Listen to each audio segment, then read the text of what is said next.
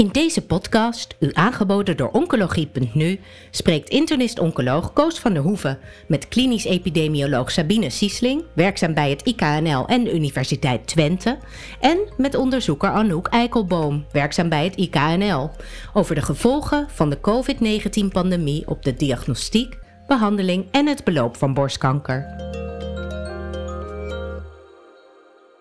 COVID en borstkanker. Heeft COVID invloed gehad op de, het aantal patiënten bij wie borstkanker gediagnosticeerd is? Heeft het invloed gehad op behandeling, op follow-up?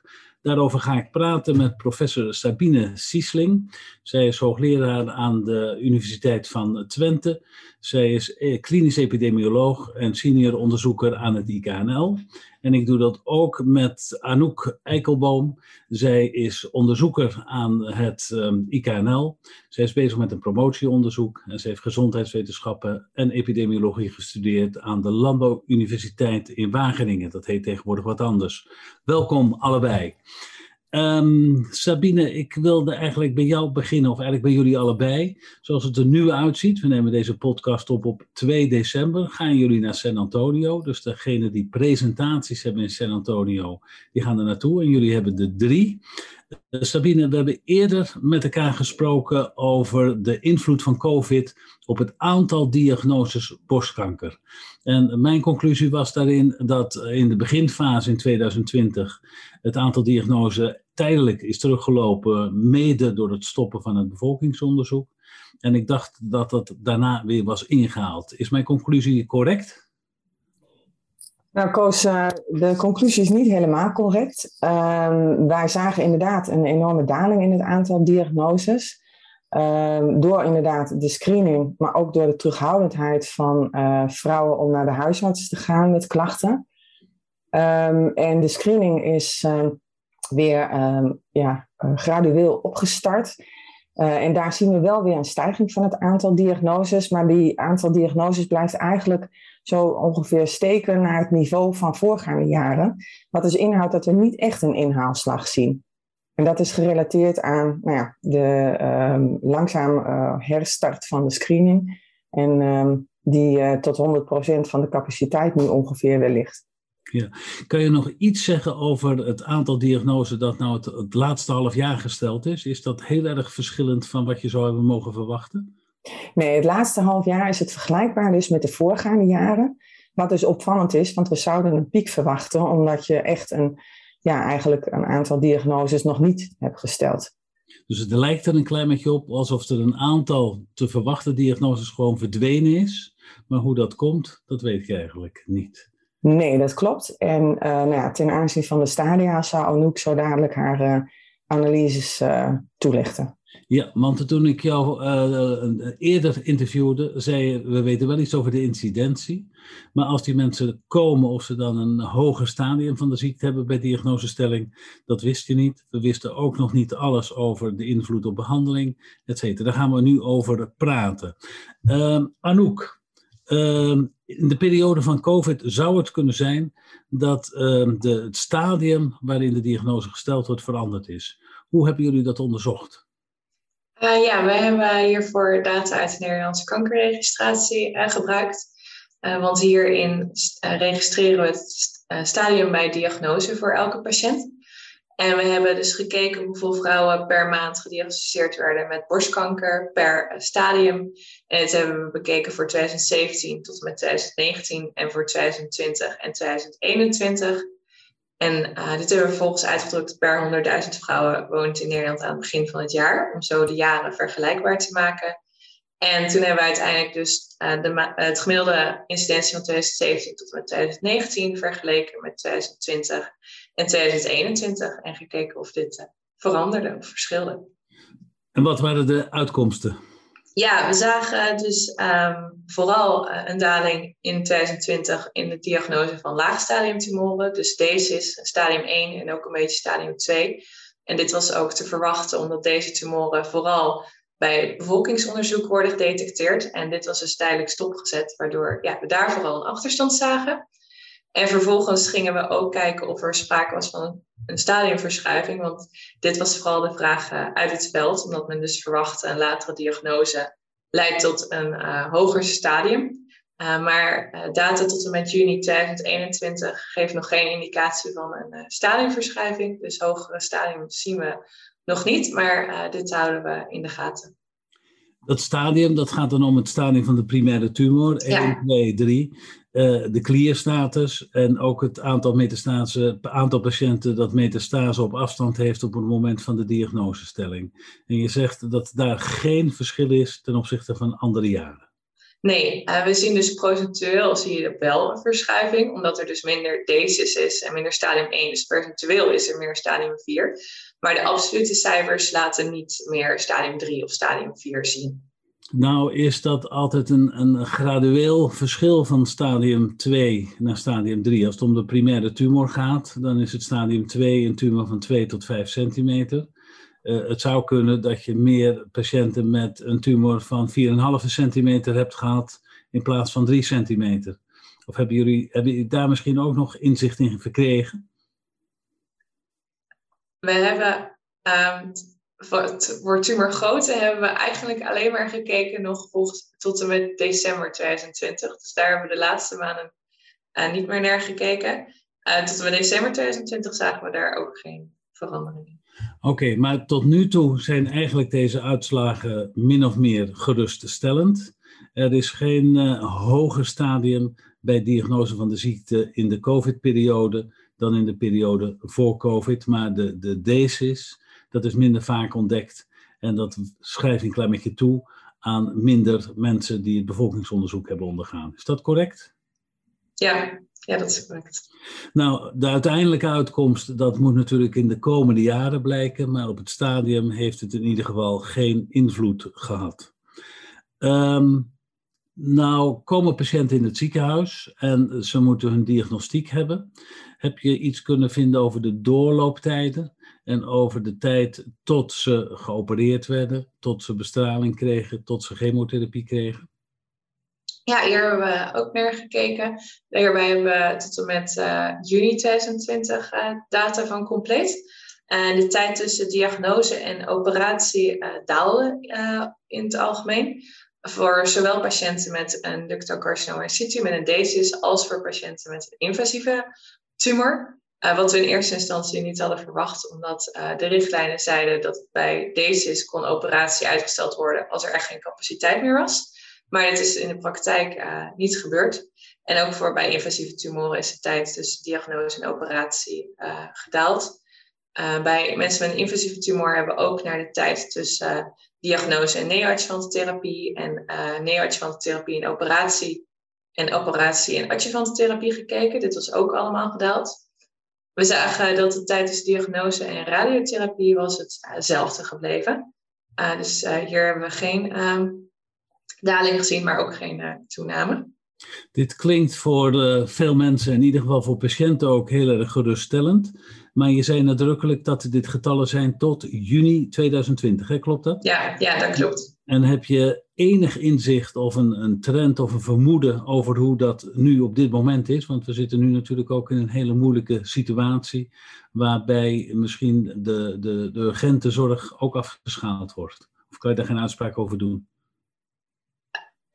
ik kan er wel een uitspraak over doen, maar ik denk, omdat Sabine zei ook wel dat nu weer normaal hetzelfde aantal diagnoses van borstkanker wordt uh, is gesteld vergeleken met voorgaande jaren. Dus ik denk dat de doorlooptijd hetzelfde is weer als 2017 tot 2019. Want ik denk dat de kortere doorlooptijden vooral te danken waren aan het lagere aantal patiënten. Oké, operaties zijn eerder gedaan, dat is ook uh, geruststellend. Is er nog, um, de, de, de, in sommige situaties kunnen artsen een keuze maken of ze patiënten voorafgaand aan de operatie chemotherapie geven of na de operatie chemotherapie geven. Datzelfde geldt voor de hormonale therapie. Is daar een uh, verschuiving in opgetreden? Ja, hier zagen we bij beide, zowel uh, bij neoadjuvante chemotherapie als neoadjuvante uh, hormonale endocrine therapie, zagen we een verschuiving. Bij de chemotherapie zagen we dat voor patiënten die echt aan het begin van de COVID-19-pandemie waren gediagnosticeerd, dus week 9 tot en met week 12 was dat, daar zagen we dat er minder neoadjuvante chemotherapie werd gegeven. Waarschijnlijk omdat men dacht dat dit de, ja, het COVID-19-gerelateerde complicaties het risico daarop verhoogde. Uh, maar we zagen dat um, deze patiënten wel een hogere kans hadden op adjuvante chemotherapie. Dus het was waarschijnlijk uh, verschoven van neoadjuvant naar adjuvant. Ja. Uh, en bij endocrine therapie zagen we dat het ja, heel veel meer voor de behandeling werd gegeven. Waarschijnlijk om zo de operatie uit te kunnen stellen. Ja, en dat, dat, dat is belangrijk denk ik om te vertellen dat het in het begin van de COVID-periode was waarin er ook nog een heleboel onzekerheid was. Hè? Want we praten over de periode uh, eh, 2020 tot juni 2020. En dat was in een periode dat er over COVID toch nog heel veel onzekerheid was. Hè? Ja, dat klopt. Ja, um, ik wil nog iets vragen over de radiotherapie. Uh, radiotherapie werd ook gewoon gegeven, maar zijn de schema's misschien aangepast?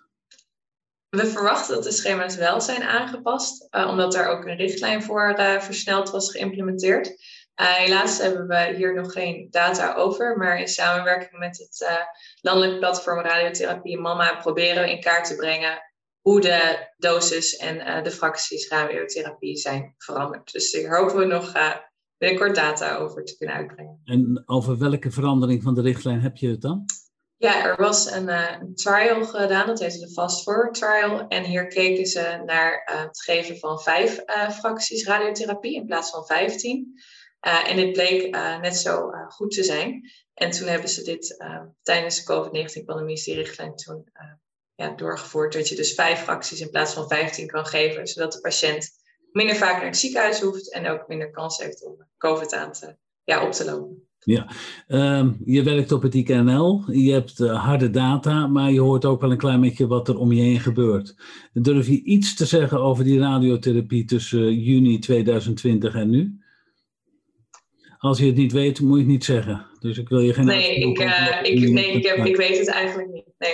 Sabine, wil er nog iets over zeggen? Nou, wat we horen uit het veld is dat er inderdaad de schema's wel zijn, zijn aangepast. Um, en dat het eigenlijk een soort van uh, uh, versnelde richtlijnaanpassing uh, is geweest.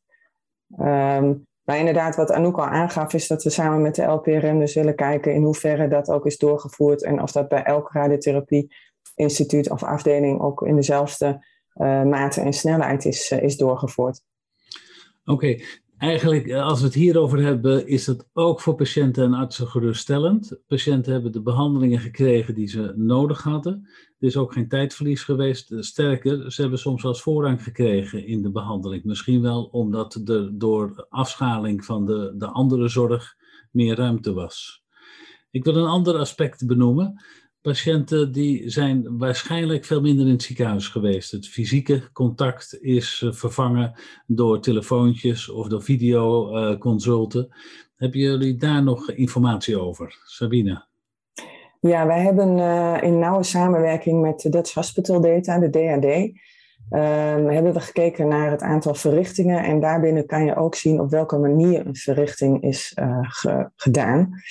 Uh, en daarin zien we dat voor de follow-up bezoeken uh, tijdens de eerste COVID-uitbraak uh, enorm vaak telefonische consulten en videoconsulten werden gegeven. Um, het aantal follow-up bezoeken was in totaaliter afgenomen. maar er was een, een, toename in het aantal ja, video- en, op afstand consulten. en dat is eigenlijk in um, deze huidige periode is het wel weer meer fysiek geworden. Uh, maar zien we toch ook wel een tendens in richting uh, videobellen uh, of een telefonisch consult. dat dat toch wel wat meer een plek heeft gekregen binnen de zorg.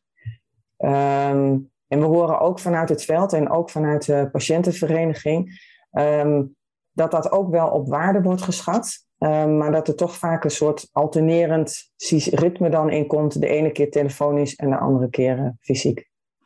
Want op grote congressen is er ook wel een mededeling gedaan over de invloed hiervan op de psyche van patiënten. En patiënten die in een actieve behandeling zitten, vinden het op den duur toch vaak erg vervelend als het fysieke contact er niet is. Ja, precies. Nou, um, waar ik hier net over sprak, dat zijn echt follow-up uh, bezoeken ten aanzien van uh, het ontdekken van recurrences of, of, terugkeer van ziekte.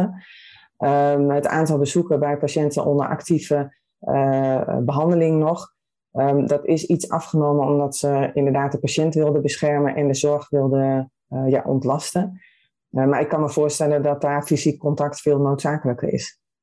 Dat brengt me eigenlijk een klein beetje op de derde poster die jullie gaan presenteren in San Antonio. En dat gaat over het aantal lokale recidieven tweede primaire tumoren die zijn vastgesteld. Is daar verandering in opgetreden in deze periode, Anouk? We zagen bij het uh, aantal diagnoses van uh, second primaire borsttumoren zagen we in maart en april 2020 wel een daling in het aantal ja, die gediagnosticeerd waren. Maar in de maanden daarna zagen we eigenlijk al heel snel een, een inhaalslag. Dus tot en met februari 2020 kunnen we, ja, is er geen achterstand meer te zien in het aantal second primaire tumoren. Voor wat betreft recidieven, hier hebben we lokale, regionale en metastase op afstand hebben samengenomen. En hier zagen we in geen enkele periode dat het aantal diagnoses was afgenomen. En het is waarschijnlijk het geval omdat um, deze recidieven en metastase op afstand vooral door symptomen worden gedetecteerd. Dus uh, mensen gingen met klachten gelukkig nog steeds naar hun arts. En daarom zagen we daar waarschijnlijk geen daling.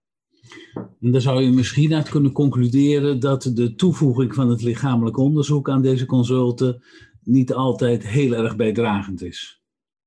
Dat is inderdaad wat we, wat daardoor waar we ook inderdaad afvroegen. Maar ja, dat kan dit onderzoek nog, nog niet zeggen. Nee. Nee, ik denk dat veel mensen toch benieuwd zijn naar de cijfers van het, uh, het, het 2020 eh, tot en met 2021. Maar dit geeft in ieder geval waardevolle informatie. Patiënten met borstkanker aanvankelijk wel minder gediagnosticeerd. Maar als ze gediagnosticeerd worden, krijgen ze snel een behandeling. Uh, de behandelingsstrategie is soms wel een klein beetje aangepast, maar het lijkt erop alsof de patiënten al hun behandelingen gekregen hebben. En ook het aantal lokale recidieven en tweede primaire tumoren is niet veranderd. Dus ik denk dat dat voor patiënten geruststellend is. Hebben jullie nog eh, extra conclusies aan jullie onderzoek toe te voegen? Nee, ik denk dat uh, wat jij net samen, dat dat een hele goede samenvatting is. Um, ja, het laatste wat wij nog hadden is dat de Nederlandse oncologische zorg dus gelukkig goed in staat is om snel om te schakelen wanneer dat nodig is. Ja, uh, Sabine, heb jij nog speciale aandachtspunten voor uh, dit onderzoek bij borstkanker uh, in de COVID-periode? Jazeker. Nou, um, dit is een onderdeel van een, een groter project wat is gesubsidieerd ook door ZonMW. binnen dat project hebben we in principe nog een jaar. En in dat jaar willen we ook nog naar meer details gaan kijken van de behandeling. Bijvoorbeeld het aantal kuren chemotherapie bij gemetastaseerde borstkankerpatiënten. Uh, onder andere um, de fracties radiotherapie, wat Anouk al aangaf. Uh, en deels ook uh, gaan kijken op basis van ehm, extra data van de Dutch Hospital Data en uh, Pharmostison. naar onder andere de kuren, maar ook naar de diagnostiek meer in, in detail. Um, en vervolgens willen we natuurlijk gaan kijken welke effecten hebben de veranderingen gehad. Dus het, het geven van eerst endocrine therapie voorafgaande aan de operatie. Uh, welk effect heeft dat op de uitkomst? En daar moeten we natuurlijk nog wel uh, ja, even op, wachten, zeg maar, willen we daar resultaten van zien. Uh, maar hier kunnen we wellicht voor de toekomst echt ook lessen uit, leren. om te kijken, ja, zou inderdaad hormonale voorafgaande aan de operatie niet kunnen bijdragen aan een, een betere, ehm, ja, gepersonaliseerde behandeling. Ja, nou ontzettend eh, belangrijk dat het IKNL zoveel data hierover verzamelt en zover in de diepte zal gaan. Voor borstkanker is natuurlijk de uitkomst voor metastase en overall survival, ja, daar heb je jaren follow-up voor nodig. Maar ik denk dat het erg belangrijk is dat uh, dat onderzoek gedaan wordt. En ik denk dat het ook een compliment is dat uh, in het buitenland dit onderzoek gewaardeerd wordt, want jullie zijn beloond met drie posters bij San Antonio. Ja. Wat ik nog even wilde toevoegen is dat het heel belangrijk is dat we deze data allemaal duiden, ook samen met de wetenschappelijke verenigingen. Want Anouk uh, noemde al de LPRM. Nou, we doen dit voor alle tumorsoorten. En daar betrekken we ook de duiding van de resultaten. Echt uh, alle wetenschappelijke verenigingen.